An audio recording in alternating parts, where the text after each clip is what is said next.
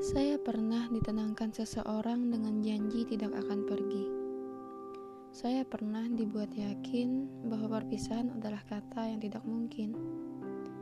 Saya pernah menyangka bersamanya saya akan selamanya.